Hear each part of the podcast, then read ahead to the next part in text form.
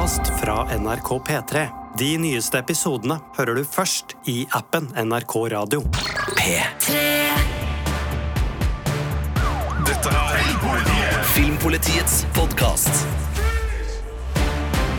Velkommen til Filmpolitiet med Sigurd Vik, Birger Vestmo og Ingvild Dybfest Dahl. Denne uka kom endelig Norge til syne på skjermen i den meget populære serien Succession. Og det tenker vi er en utmerket anledning til å se litt nærmere på de gangene Norge og det norske dukker opp på store filmer og TV-serier. Så her blir det lusekofte og nisselue i dag. Men hvorfor er det da så gøy med Norge i Hollywood, Ingvild? Hva er det du liksom liker med det her? Altså, Vi er jo nasjonalromantiske, det er bare å innrømme. Og, og jeg i hvert fall blir litt smigra både av å høre og se norske elementer. da. Og det er litt det der vi liker å høre utlendingers betraktninger av Norge, bare fordi det er en slags anerkjennelse av at de ser vårt bitte, bitte, bitte lille land i den store, glamorøse hva skal vi si, verdensdelen vi kaller Hollywood. Birger, hva med deg? Ja, det er jo det at vi har en begrensa kulturell slagkraft internasjonalt. Det er jo da ikke til å komme unna at et eh, land som er såpass lite i både geografisk utstrekning og antall folk som bor her, eh, det er litt vanskelig å slå igjennom da på den store arenaen i verdens største land, som er utlandet. Og derfor så er jo, som Ingvild sier, enhver benevning av vårt land og enhver innspilling som foregår her, det gir oss noen små drypp av det store kontinentet. og en følelse av at vi hører sammen med resten av den store verden. Jeg er helt enig med dere og skal bare føyte to ting. Altså, det er et meme av Leonardo DiCaprio som sitter i en godstol og som peker på en skjerm som om han liksom sånn Ja, ja, ja, akkurat det der! Og det er jo den gjenkjennelsesfaktoren òg, at man kan sitte enten i kinosalen eller foran TV-apparatet og bare sånn Der! Jeg vet hvor det der er! Jeg, jeg, har vært der! Eller jeg har et bilde derfra, eller et eller annet sånt. Så den biten Jeg skal ikke si at jeg er bedre enn som så. Uh, og så har jeg glemt den andre. Så derfor uh, så uh, går vi videre. og vi skal starte denne episoden med en vurdering av Norge i Succession. Og så skal vi da mimre litt tilbake til andre godbiter, både fra 90-talls sci-fi-TV og superhelter på jokerbesøk på Sunnmøre, og som alltid så ender vi da med noen tips om uh, filmer, eller Hollywood-produksjoner, da, hvor Norge har vært uh, godt representert. Men først til Succession. Altså, Birger, det her er jo en TV-serie som nå er inne i sin fjerde og siste sesong. En HBO-serie som går på HBO Max. Uh, hva er det her for noe slags serie? Ja, Det er jo et eh, drama av aller høyeste kvalitet som følger familien Roy, som da styrer et eh, stort eh, mediekonsern.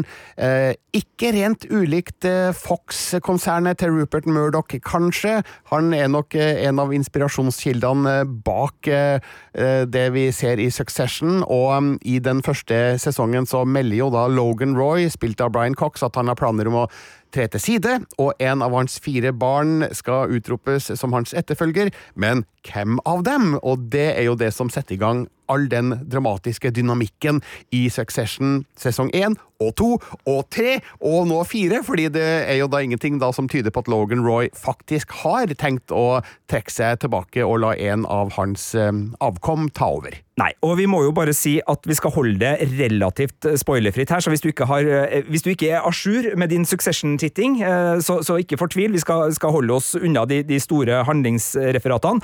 Men i episode fem, da The Kill List uh, i sesong fire, så dukker de opp i Norge. Og det her har vi visst, for det har vært uh, ganske mye rapportering i norsk media om at det er innspilling i Norge på denne Succession-serien. Skuespillere har blitt sett, uh, og vi har fått drypp av både norske skuespillere som skulle være med, vi har fått vite at det skal spilles inn på ulike steder, Juvel landskapshotell har vært nevnt, Gondolen i Åndalsnes har vært nevnt, Atlanterhavsveien har vært nevnt, Trollstigen har vært nevnt, og jeg husker jo, da jeg skulle anmelde sesong fire, så fikk jeg jo de fire første episodene av ti.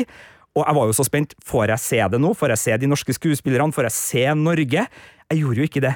På fire episoder så skjedde det veldig mye spennende som gjorde at det var en sterk terningkast fem til Succession, men jeg hadde ikke fått sett Norge. Det eneste jeg fikk se, var Alexander Skarsgård, som spiste uh, det svenske godteriet Ålgrens biler. Uh, det var det liksom nærmeste vi kom ordentlig Skandinavia i de fire første episodene, men nå med episode fem så fikk vi virkelig Norge på skjermen. Ingvild, hva syns du om å se ditt hjemland på HBO Succession? Jeg, jeg gjentar lusekofte og nisselue. Ja, ja, ja. på i denne episoden! Nei, altså, jeg elsket det. Eh, Jeg likte også at det var så mange ulike locations, selv om vi vet jo at de fleste av disse er vel i Møre og Romsdal. Men, eh, men det fremstår liksom sånn wow, de har virkelig utnytta de dagene de var her, og fått fram så mange spektakulære da, locations som de faktisk gjorde. Så jeg koste meg skikkelig. Du, Birger? Ja, jeg fikk litt bange anelser med det første, fordi eh, når de kommer til Norge, som jo er Norge i episoden også, eh, det er prisverdig i seg sjøl, så er det dårlig vær! Det regner! Å nei! De fikk dårlig vær i Norge! Nå tar ikke Norge seg så bra ut som det kun har gjort. Eh, heldigvis, da, så ser vi jo da senere i episoden at eh, jo da, de hadde fint vær også. Spesielt på noen fjelltoppscener. Eh, så eh, det, det var i hvert fall deilig å se at eh, de hadde fått, som Ingvild sa, brukt Norge godt med en hel rekke ulike lokasjoner, eh, som til sammen var et eh, veldig godt eh, postkortbilde av landet for det store internasjonale publikum. Altså, jeg begynte jo denne, hva skal vi kalle det, ego-runkingen tidlig, fordi jeg leste jo intervju i Variety med, med Succession-produsenten Scott Fer Ferguson, og han sa faktisk Norway is a glorious natural setting. We studied different countries, but we realized Norway just had this exceptional landscape like nowhere else in the world. Og da blir man jo litt sånn Yes! Kom hit! Ja, det er jo sant, da. Vi har faktisk natur som tar seg utrolig godt ut på lerret og på skjerm. Vi er jo ikke det eneste landet da som har eh, spektakulær natur. New Zealand har det, eh, deler av Wales og eh, Skottland har det. Eh, Det er jo noen alper lenger sør i Europa som også har noen fine topper, men eh, det er noe med den dynamikken i Norge mellom eh, fjell og fjord som kanskje ikke er så vanlig ellers, og eh, som passer godt inn i en filmrute, og Succession visste å dra nytte av det. Så har vi også en insentivordning hvor du kan få opptil 25% av pengene du bruker i Norge eh, tilbake, men det, det er kanskje ikke hovedårsaken. Jeg er helt enig med dere, det, det, er, det er de norske kvalitetene som er viktige her. Men hva syns vi? Altså, her er jo en serie som er veldig sånn prestisjedrama som handler om makteliten, og ikke minst den økonomiske eliten i liksom medietoppsjiktet blant de høye skyskraperne i Manhattan. Norsk luksus, altså hvordan syns vi den tok seg ut i denne meget luksuriøse TV-estetikken? Det var noe helt annet enn det vi har sett i Succession tidligere. De har jo vært på tur før. De har jo vært i England, eller var det Skottland, de har vært i Italia, eh, og hver av de lokasjonene har jo sine særegenheter. Men eh, Norge er noe helt annet enn de, og det at Norge opptrer i en prestisjeserie som Succession, gir jo Norge prestisje. For eh, sjøl om kanskje familien Roy ikke er noen gode forbilder nødvendigvis da, for hvordan vi skal te oss her i livet, og hvilke mål vi skal sette oss, så um, har de likevel en påvirkningskraft. Eh, de, er influensere på sitt vis. Eh, og jeg har jo da lest, uten at jeg har um, sjekka om dette faktisk stemmer, at eh, reiselivsaktører i den delen av Norge der Succession ble innspilt, har opplevd en enorm pågang av eh, interesserte på sine nettsider. Er, tallet var 3000% økning i eh, nettrafikk, eh, så eh, det er jo tydelig at eh, noen der ute legger merke til at Succession har vært i Norge. Og så er det jo det er flere ting jeg syns var gøy med det. Eh, Det er jo at de la opp til en slags beef ikke sant, mellom Skandinavia da, og Norge kanskje spesifikt, og USA, ved at de la opp til sånn ja, ja, de har gode velferdsordninger, og de er tamme som lam, for de har ikke liksom Vi er oppdratt av ulver, fordi de må klare seg sjøl i den amerikanske drømmen. Så det er noe med den kontrasten da, mellom et sånn velferdssamfunn som vi har i Skandinavia, og det de har i USA, eh, som jeg syns var veldig gøy at de fikk fram. Og syns jeg også det var veldig gøy at Norge, helt uten å spoile, en slags, eh, får en slags viktig brikke. da. Noe norsk blir en, eh, en viktig element i dette maktspillet som Roy-familien driver med. Og det syns jeg var gøy. Og da tenker jeg at vi kan tilgi at de jo var ganske frekke og syntes det her var smått. De syntes ikke det var så luksuriøst. De syntes de var jo ikke veldig imponert. Jeg tror alle vi som satt og så på, var mer imponert enn det Roy-familien var. Men da, det, altså, det blåser man i, for man syns bare det er gøy at de nevner oss i det hele tatt. Det er sånn, ja, fornærm oss. Bare nevn altså. vi blir glade. Men altså, Vi dundra jo på her. altså Det starta liksom med Atlanterhavsveien, så Trollstigen, så uh, Juve fjell... Nei, altså landskapshotell med liksom flotte vinduer, som ble kalt et bjørnetoalett av nevnte uh, rollefigurer. Og så liksom opp gondolen der og opp til, til Eggen restaurant. Så vi dundra jo på. Men som du sier, fornærmelser var en viktig del av norgesbesøket. Og hva syns vi om fornærmelsene? Altså, Du var jo inne på én. Altså, bløte europeere ble vi kalt. Hviler trygt i velferdsgoder, syke av ferie og gratis helsevesen. Og det var jo bare én av flere. altså Likte vi å få litt på pukkelen av eh, disse Succession-stjernene? Ja, det gjorde vi absolutt. Jeg satte pris på alle fornærmelsene, eh, fordi jeg forstår jo at eh, de vil ikke fremstå som fornærmelser for publikum. De vil jo bare måpe over at å, har de gratis helsestell i Norge, eller helsetilbud. Eh, hva er det for noe? Hvorfor har ikke vi det? Eh, nå er det jo mange land som har det, da, men um, Succession er jo en amerikansk serie, og der er ikke det så vanlig. Uh, og dette bjørnetoalettet, uh, de fleste som ser Eh, Succession vil jo måpe over hvor nydelig det er, hvor vakkert det er, og hvor eh, nært naturen det ligger, og så blir jo det bare et bilde på hvor utrolig eh, smellrike og bortskjemte disse Roy-folka er, da, som sammenligner det her nydelige hotellet med et bjørnetoalett.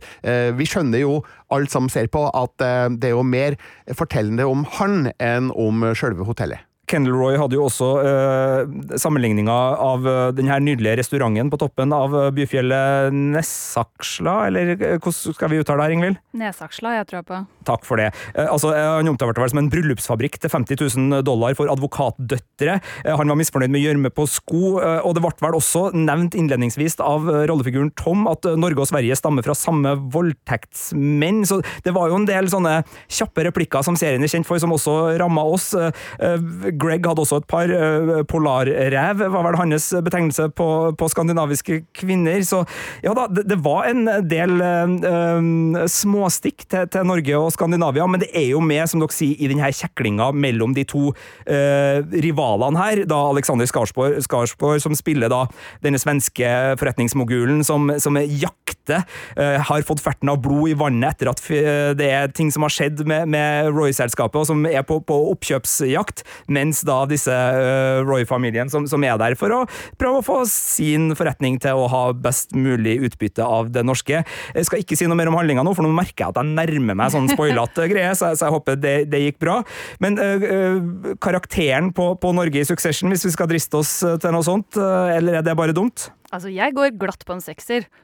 Eh, de sa jo at de ville ha den dramatiske naturen, fordi den står i til, til, stil til dramatikken som skjer i serien, og det er jeg helt enig i. Jeg er veldig glad for at vi har en eh, tidligere VG-journalist som, som, tør å dra på her med tabloide virkemiddel. Ja. Terningkast seks, altså, fra Filmpolitiet til Norge i Succession. Ja, Birger? Er, er, det bare Ingvild som får kaste terning? Jeg vil kaste en sterk femmer til Norge, da, eh, fordi det var litt dårlig vær innledningsvis. Hadde jo vært det likere da, om det var strålende sol hele veien. Men det er ja. det som gjør det realistisk. Fordi ja. ja, det er sykt fint, men det er ikke alltid fint vær. Så jeg syns dette var flott. Vi vil ikke ha det realistisk, vi vil ha det som en drøm, så turiststrømmen flommer inn over oss. Men altså, Succession er jo som en dokumentar, så Ikke sant? ja, av og til så, så uh, frykter man jo det. Uh, det var uh, vår lille og meget tabloide og meget nisseluebefengte og ganske så lusekoftekledde oppsummering av Norges Succession-runde. Men vi skal videre. Det er nemlig flere ganger at Norge har fått lov til å ha vært i Hollywood. Det har altså vært flere ganger hvor vi i Norge kunne ha sett på TV-skjerm og på kinolerret og sett det der er norsk, det der er Norge. Og nå skal vi ha en eh, ganske kjapp gjennomgang av noen av høydepunktene. Her blir ikke alt med, så hvis du nå sitter og hører at din favoritt norske referanse ikke blir med, så beklager vi det, men vi skal prøve å få med en del uh, høydepunkt her. Og vi kan vel starte i filmhistorien med noen gode, gamle, klassiske eksempel på uh, Norge og det norske i Hollywood-filmer, Birger? Ja, første gang jeg opplevde Norge i Hollywood, det var jo med Star Wars Imperiet slår år tilbake, som kom i 1980. Eh, I 1979 så var det da stor filminnspilling på Finse, med blant andre norske kjentfolk som Arve Juritzen, Odd Johan Elvik og Tom Egeland med. Eh, og så var jo selvfølgelig Mark Hamill og Harrison Ford der, som Luke Skywalker og Han Solo. Um, uh, Carrie Fisher, som spiller prinsesse Leia, var også med på Finse, sjøl om hun ikke hadde noen scener der. Men uansett så er det jo en innspilling det har gått veldig mange rykter om, og det finnes mange historier om hva som skjedde der oppe på Finse, og jeg visste jo den gangen jeg så filmen på kino, i 1980 at de scenene var innspilt der, for det var jo skrevet om det i avisene. og det ga en helt spesiell følelse å se Norge i Star Wars-universet. Det var helt fantastisk. Eh, to år senere, i 1982, kommer jo da John Carpenters eh, fantastiske skrekkfilm The Thing. Tingen fra en annen verden, som den het i Norge, da. Eh, den er riktignok ikke innspilt i Norge, den er innspilt i Canada, men handlinga foregår eh, på eh, Sydpolen, og der er det jo noen norske sydpolfarere med i filmens startfase, med noen ganske minneverdige replikker på et slags norsk, i hvert fall. Kan jeg be om en høytlesning fra Birger Vestmo sjøl? Ja, det er da en nordmann med rifle som hopper ut av et helikopter, eh, spilt av Larry Franco, som var en av filmens produsenter, faktisk. De kunne kanskje ha fått tak i en ekte nordmann, tenker jeg, da, men i mangel av det så gjorde Larry Franco en ganske minneverdig opptreden, sjøl om norsken hans eh, Ja, jeg skal prøve å, å mime her, da. Det er ikke en bikkje, det er en slags ting! Den imiterer en bikkje! Det er ikke virkelig! Kom dere vekk, idioter! Men altså, du hører jo at det ikke er en nordmann som sier det her, men uh, det er ikke så verst heller, så han får så vidt godkjent, da. Uh, og så Tre år etter The Thing, da kom to amerikanske storfilmer samtidig, omtrent, med scener innspilt i Norge. Det var da Revolution 1776 med Al Pacino som eh, en jeger som ble trukket inn i den amerikanske revolusjonen. Um, alt foregår altså da i USA, men store deler av filmen er innspilt på Vestlandet og i Lofoten, og det så Jeg har aldri sett filmen, men det ser sikkert uh, fint ut der, altså. Men Revolution 1776 ble en gigantisk flopp. En en, en, film som fikk terningkast én i flere norske aviser den gangen. Eh, 'Spioner som oss' kom samme år, en komedie av sjølveste John Landis med store stjerner som Dan Ackroyd og Chevy Chase, og den ble eh, innspilt på Vestlandet, nærmere bestemt eh, Sogndal, så der er det mye Norge som da i filmen skal forestille Sovjetunionen. Så det var i hvert fall da fire fine filmer fra ja, 1980-tallet, da, som brukte Norge som bakteppe. Jeg vil jo uh, trekke inn 90-talls-TV som en plass hvor også Norge fikk ganske god eksponering, og det har jo litt med, med hvor gammel jeg er og hvordan nostalgi jeg har, men det her er for meg de første tingene jeg tenker på når noen uh, Og det, her, det, det, er jo ikke sånn at vi har funnet opp konseptet 'Skal vi se på Norge i Hollywood', det her har blitt laga ganske mange lister overalt på, på, internett.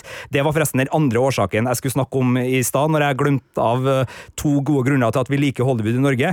Det gir oss journalister muligheten til å ha sånne nerdete litt humørfylte og tullete prater som det her. Eh, det var min grunn nummer to. Og The X-Files en av mine favoritt-sci-fi-serier i barndommen. De hadde en episode, det var vel sesong to, episode 19. Den heter Død kalm, og har handling lagt utenfor Lofoten, hvor en rynke i tiden A wrinkle in time. Ikke et sånt rent Bermudatriangel, men en mulig liten plass på havet utafor norskekysten hvor Plutselig så blir du steingammel med en gang. Altså, aldringsprosessen fyker av gårde. Og her må da eh, Mulder og Scully eh, etterforske, og de møter kaptein Henry Trondheim, eh, som har akkurat det skipet de trenger for å komme seg ut dit. Skal ikke spoile mer av den fantastiske episoden Død kalm. Skal bare si at den her er laga av Howard Gordon og Alex Gansa, som senere da ble veldig kjent for å lage Homeland-serien. Så her er det gode navn på manus- og seriefronten som er verdt verdt å merke seg. Og hvis man er Howard Gordon-fan, nå eh, aktuell med en ny Viaplay-krimserie som eh, jeg ikke husker Accused, heter vel den. Eh, han har også produsert 24-serien. Han har gjort mye fint. Og hvis man er såpass nerdete at man vil vite tidlig Howard Gordon, så sjekk ut The X-Files Død Colm. Må også trekke inn den andre store 90-tallsserien for meg. Twin Peaks, David Lynch sitt mesterverk. Der er det jo i pilotepisoden ganske mange nordmenn, i hvert fall ut fra rollegalleriet. Det er riktignok på The Great Northern, oppi, uh, helt i nordvesten i, i, USA. Men The Norwegians are leaving er en fantastisk replikk, fordi hotelleier uh, Horn han har en plan om å presse ut uh, sagmølla i umiddelbar nærhet av hotellet og skape en sånn, uh, ikke fornøyelsespark, men en sånn country club. Og Der vil han ha investorer, så han har invitert en norsk delegasjon da, som får en framvisning over hvor utrolig bra det her er, og hvor frisk lufta er, og at Twin Peaks er en plass hvor industri og helse går hånd i hånd. Ja da. Og det går som passe bra, men så er det jo det her krimmysteriet som dukker opp, da, og som gjør det ganske kaotisk med FBI-agenter og alt mulig rart på hotellet. Og til slutt da så står hotellresepsjonisten uh, uh, og ringer på ei bjelle. Bjell, bjell, bjell, bjell, bjell. The Norwegians are leaving! The Norwegians are leaving! Og det er en sånn herlig sånn farseaktig komiserie, hvor da uh, Horn sjøl springer etter og prøver å si sånn Nei, dere går glipp av en investering for livet, og så videre og så. Så det er noen av mine favoritt-TV-øyeblikk. da, Kan også nevne i Futurama, så fikk vi jo en meget verdifull boks av Angry Norwegian Anchovies, som blir gjenstand for en auksjon i uh, år 3000. Så har du en uh, boks uh, Angry Norwegian Anchovies liggende, så sørg for at den blir beskytta, og at dine barnebarns barnebarns barnebarns barnebarns har muligheten på litt arvegods derfra. Det var litt TV. Det har vært mye mer, men det er jo også noen store franchiser som har brukt Norge ganske fornuftig, Ingvild. Det er det, og nå mistenker jeg at du valgte meg, fordi som du nevnte i stad, så har jeg jobba i VG. Og der har jeg jobbet med mye journalistikk rundt uh, når disse store produksjonene stikker innom Norge. Jeg er jo så bedagelig anlagt at jeg har klart å snike meg unna å være på noen av disse rykkene, som man kaller det. Men jeg har kolleger som har sittet i robåter med telelinser og vasset i snø opp til livet for å prøve å få et lite glimt av Scarlett Johansen, Tom Cruise eller Michael Fassbender, så ja, den kjenner jeg til.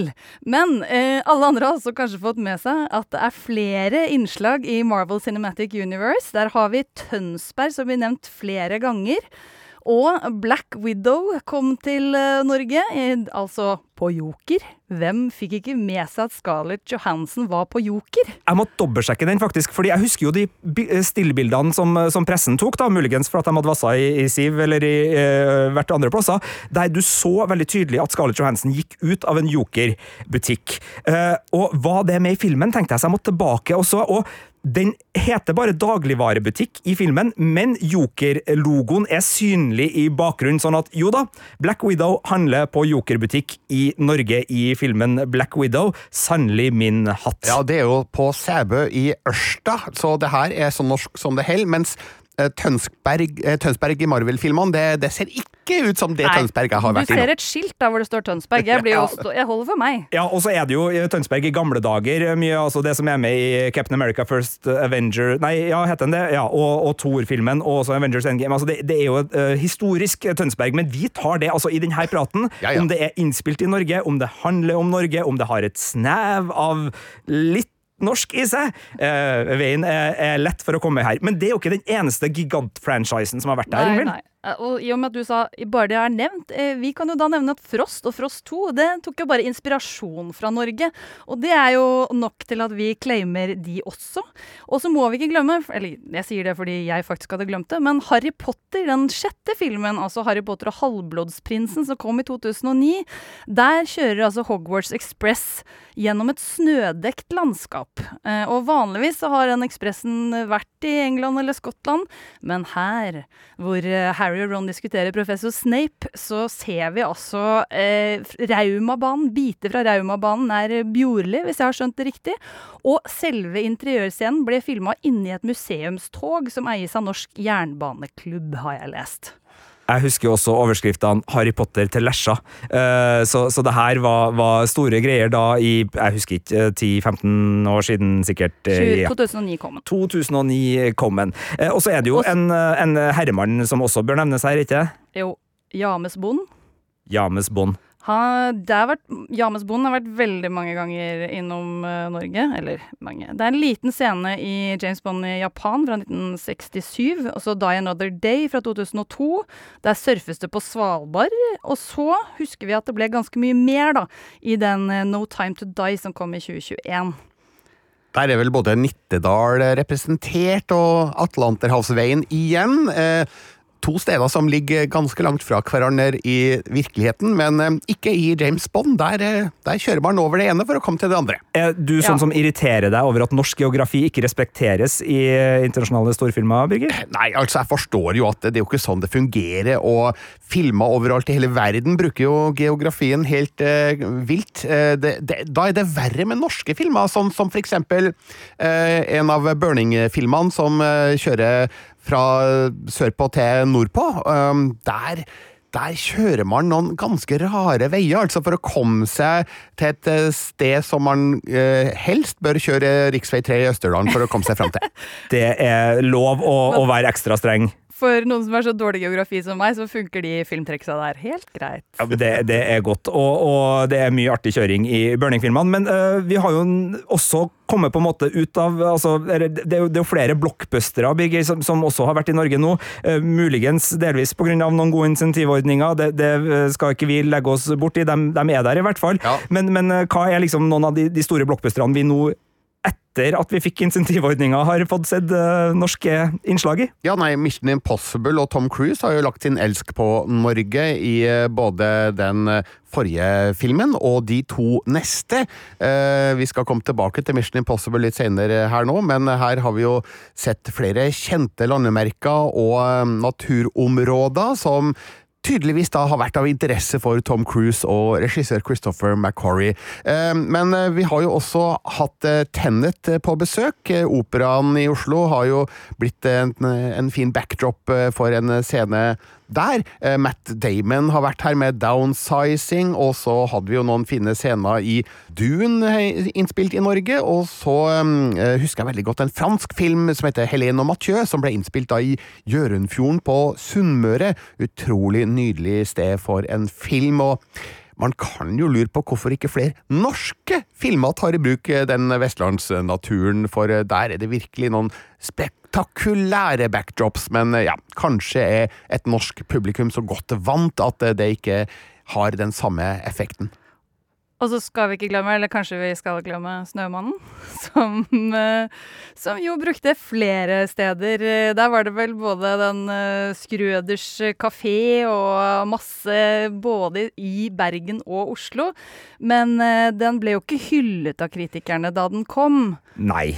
Den fikk vel en terningkast to her fra Filmpolitiet, og har vel nå fått en liten sånn oppsving ved at den har havna på Netflix, og dermed fått muligheten til et nytt internasjonalt publikum, eh, men eh, vår vurdering av kvaliteten i Snømannen, til tross for mange fine opplevelser, blant annet på, på Skrøder, og, og, der er jo selvfølgelig også opprinnelsen til hele konseptet veldig norsk, og, og fra Jo Nesbø, men eh, nei, det var vel ikke en veldig vellykka filmatisering sånn som vi så det, men det er ikke det viktigste i denne episoden av Filmpolitiet, for her registrerer vi alt det norske, og, og der scorer Snømannen faktisk veldig høyt, ja. så var vel så, Holmenkollen og diverse inni der også. Så her skal faktisk Snømannen, eh, i denne settingen, og jeg presiserer akkurat i denne settingen, så skal Snømannen få applaus eh, også her fra Filmpolitiet, all den tid nisselua vår er såpass trang at uh, sånn blir det. Ja, det var en uh, god bukett av ulike innslag av Norge i Hollywood. Men um, for å virkelig krone det her, så må vi jo trekke fram noen skikkelig gode tips til Hollywood-produksjoner som vi virkelig liker, og som dere kan kose dere med. Så det skal vi gjøre nå tre knallproduksjoner som har Norge i seg fra Hollywood. Birger Vestmo, du skal få begynne. Ja, og da må vi tilbake til Mission Impossible Fallout, som jeg så vidt var innom litt tidligere i denne podkasten. Det er altså da den sjette Mission Impossible-filmen. Den kom i 2018, og her avsluttes jo hele sulamitten på Preikestolen.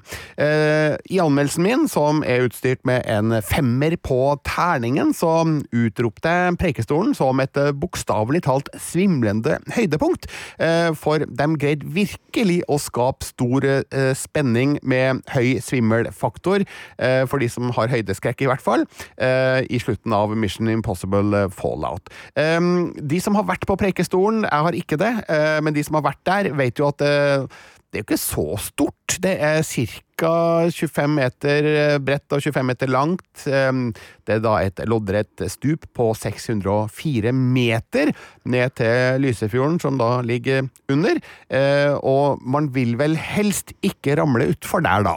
Eh, og det skaper jo en hel rekke spennende situasjoner for Tom Cruise i sluttfasen på Fallout. Det er et helikopter involvert. Det er da ramling utafor. Det det er klatring i Preikestolveggen og eh, et ganske spektakulært eh, klimaks som eh, ble imponert over, for jeg hadde ikke trodd at de skulle greie å gjøre så mye ut av den lokasjonen.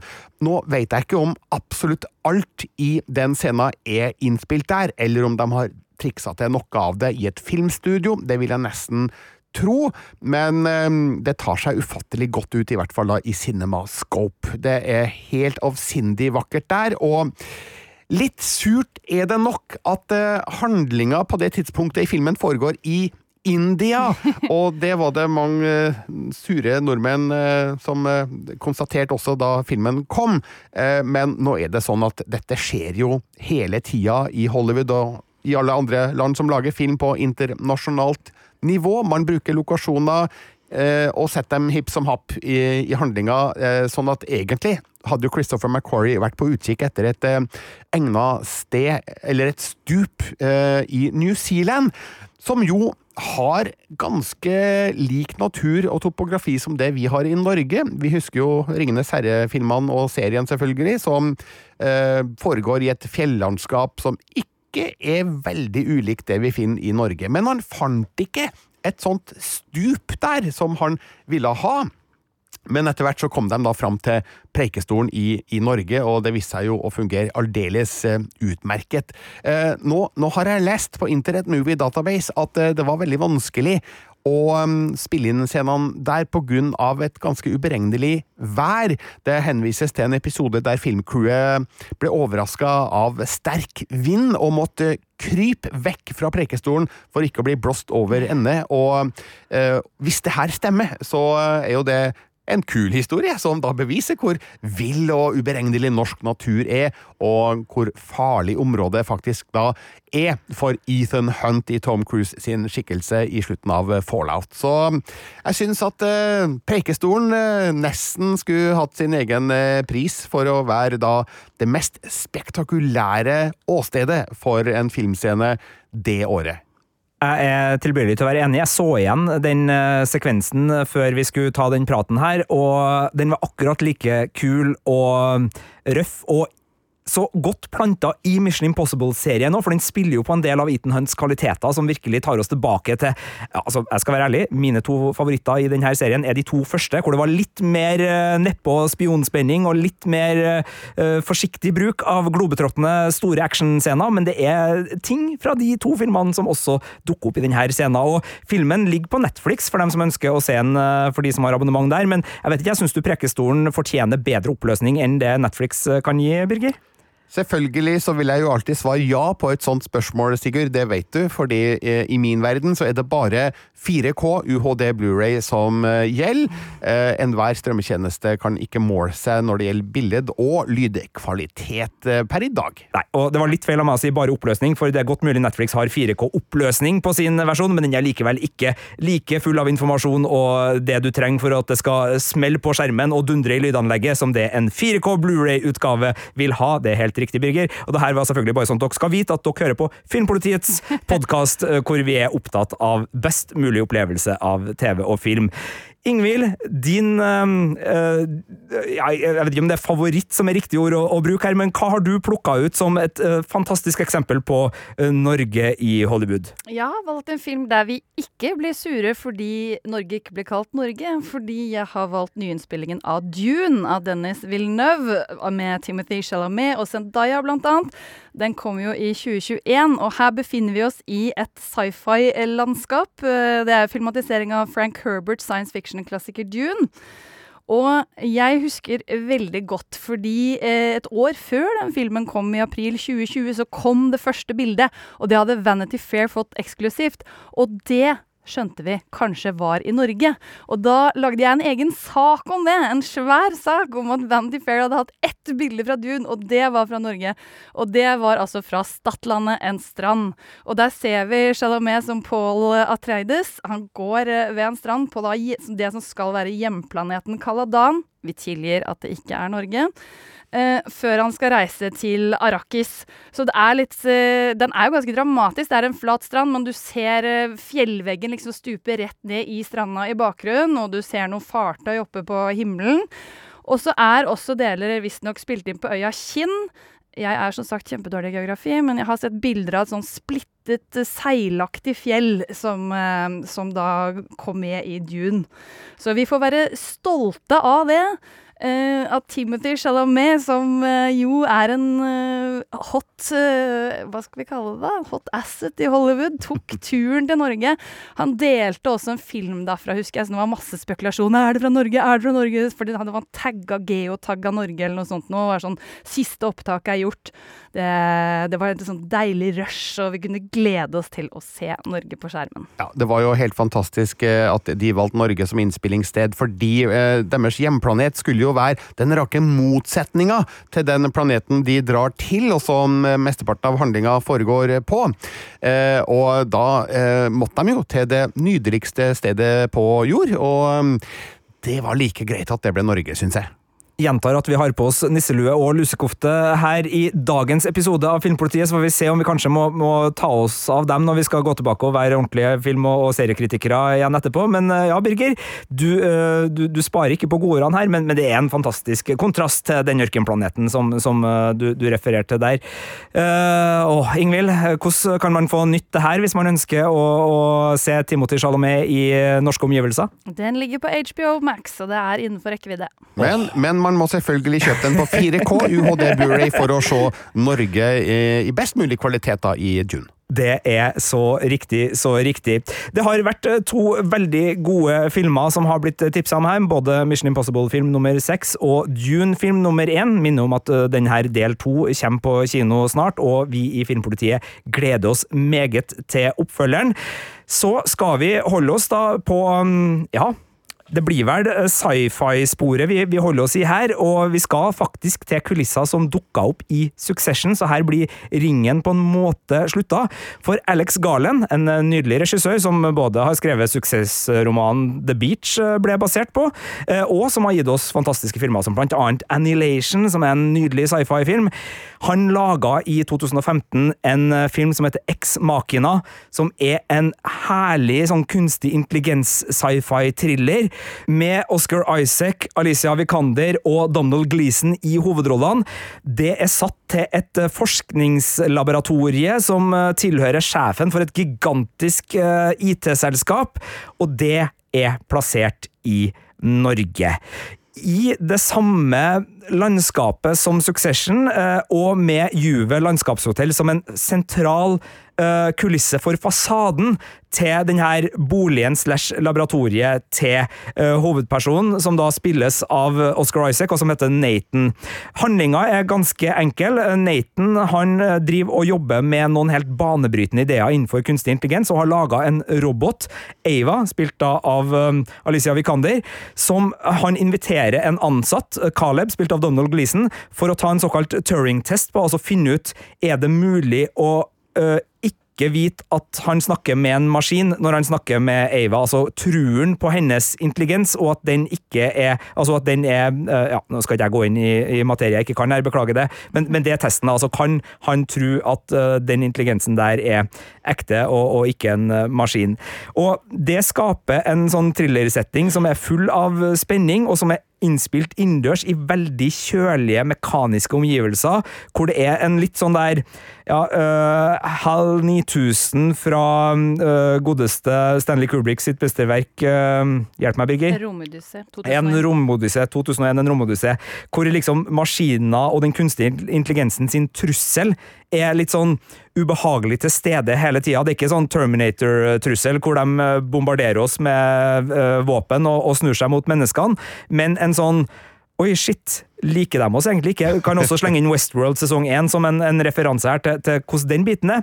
Og det her, da, iskalde mekaniske, er satt så utrolig godt i kontrast til det frodige naturomgivelsene. Og her flyr vi inn i norske uh, fjell- og dallandskap, og Alex Garland er jo så god til å fange fargene i det frodige. Det gjør han også i Annihilation, som er en nydelig film som, som ligger på Netflix, uh, hvor han liksom fanger det nesten overmodne i fargespillet i vegetasjonen, og lar det da bli en sånn øh, stemning i filmen som er gjennomgående, og som da spilles opp mot det her kjølige mekaniske.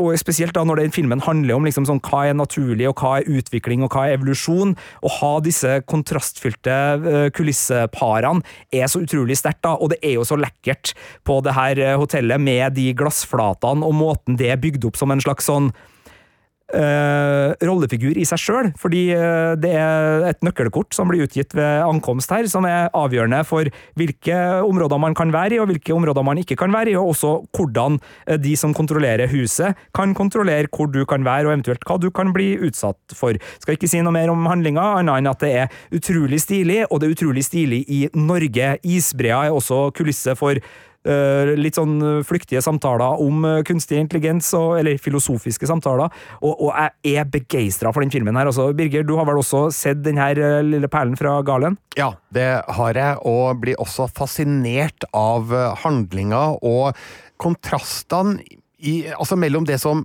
fortelles i filmen, og eh, omgivelsene de fortelles i. Det er helt eh, spektakulært nydelig, og et veldig godt valg av Alex Garland. Eh, jeg ser for øvrig at per i dag, når dette spilles inn, 27. april, så er det fremdeles mulig å booke seg inn på Juve i mai, men juni, juli og august og første uka i september er totalt fullbooka, så det er tydelig at Flere har sett Succession i, i det siste, kanskje, eh, men også muligens har de et minne om eksmaken av da, som jo var en av det årets mest særprega sci-fi-filmer. Det er en uh, godbit. Uh, ligger på Netflix for dem som ønsker å se den der, eller sikkert også tilgjengelig da på uh, ypperste fysiske format, hvis man skulle ønske det. Og du tenker på 4K UHD Blu-ray? Jeg tenker, på ofte, jeg tenker ofte, Nemlig, på, nemlig. spesielt på torsdager da vi spiller inn Filmpolitiets podkast, tenker jeg på uh, 4K UHD Blu-ray, Birger. Det, det har du helt rett i. Men det var altså tre filmtips med Norge i fokus. altså Ex Machina ligger på Netflix, eh, og eh, ja, som Birger har sagt, uh, fins på fysisk format. Eh, Dune ligger på HBO Max, fins på fysisk format. Mission Impossible Fallout ligger også på Netflix, og så ligger da Succession med sesong fire, episode fem, spilt inn delvis i Norge, på HBO Max. Så det var eventuelle strømmetips. Huh, da tar jeg av meg lusekofta, for det her begynte å bli litt eh, varmt, og jeg ble litt heit i toppen, eh, kjente jeg nå, så da legger vi den til side, og så får vi se når vi får bruk for den igjen. Og så tenkte jeg vi kunne runde av, fordi det er jo sånn at eh, Tom Cruise er vel kanskje den Hollywood-stjerna som nå har vist seg å være mest glad i Norge. Han har vært der allerede to ganger, og kommer vel muligens også tilbake. Så vi tenkte, som en sånn liten avstemningsmulighet her på tampen av episoden, å spørre hvor i Norge vil vi se Tom Cruise på film neste gang? Og her er det lagt opp til fire svaralternativ, så hvis du går inn i appen NRK Radio, hvor du kan høre alle våre podkaster, og kan være med og stemme, så kan du da stemme på følgende. Ishavskatedralen, Trondheim Torg, Brann stadion eller den ti meter høye stålelgen i Østerdalen. Altså, hvor vil vi se Tom Cruise i Norge på film neste gang? Og selvfølgelig, dere som hører på, stem, stem, stem, men vi må jo ta en liten runde her i studio også. Ingvild, hvor vil du se Tom Cruise neste gang av de fire alternativene? Ishavskatedralen, Trondheim Torg, som også har en elefant eh, inne på torget, eh, må vite. Eh, Brann stadion, eller den ti meter høye stålelgen i Østerdalen. Skulle selvfølgelig til å si min hjemby Stavern, men da utgår det, ja. Da tror jeg faktisk jeg går på Ishavskatedralen eh, i Trondheim. Den, nei, unnskyld, ikke Trondheim. Tromsø. Og den er jo spektakulær, og der ser jeg for meg med så mye glass som den har, at det kan liksom ligge til rette for litt sånn klirr og krasj og kan være litt spektakulært. Ja, jeg tenker at eh, som trønder hadde det jo vært morsomt hvis eh, Brann stadion ble ødelagt på spektakulært Oi, vis oi, oi, i en oi, eh, Mission. Impossible-film, eksempel. Shots fired. Så det hadde jo vært eh, noe. Eh, ellers så har vi jo nettopp sett i John Wick 4 en helt eh, vanvittig biljaktsekvens eh, eh, rundt Triumfbuen i Paris. Eh, så en eh, sånn lignende biljakt eh, rundt Olav eh, Tryggvason på Trondheim torg, det hadde kanskje gjort seg. Med litt sånn, ja, altså øh, litt trønderske rånere som får være med og, og blande seg litt inn i biljakta, kanskje. Ja, ja, og- altså en, en, en, mattsvart Volvo Amos, Amazon eh, ført av Ethan Hunt. Det hadde vært noe helt spesielt. Ja, terninga foran og terninga bak, og hvis dere rister mer nå, så blir det yatzy snart! Kjøre gammel, gammel, gammel, gammel, gammel, gammel Amazon. Ja da, det hadde vært noe, Birger. Jeg, jeg, jeg liker ideen. Sjøl så vil jeg jo gjerne at Hollywood-folk skal være sånn som meg, så det å se Tom Cruise eller eh, da spille, spise på Mækkern på Trondheim Torg hadde vært veldig veldig identifiserbart. Men jeg tror jeg går for den ti meter høye stålelgen i Østerdalen.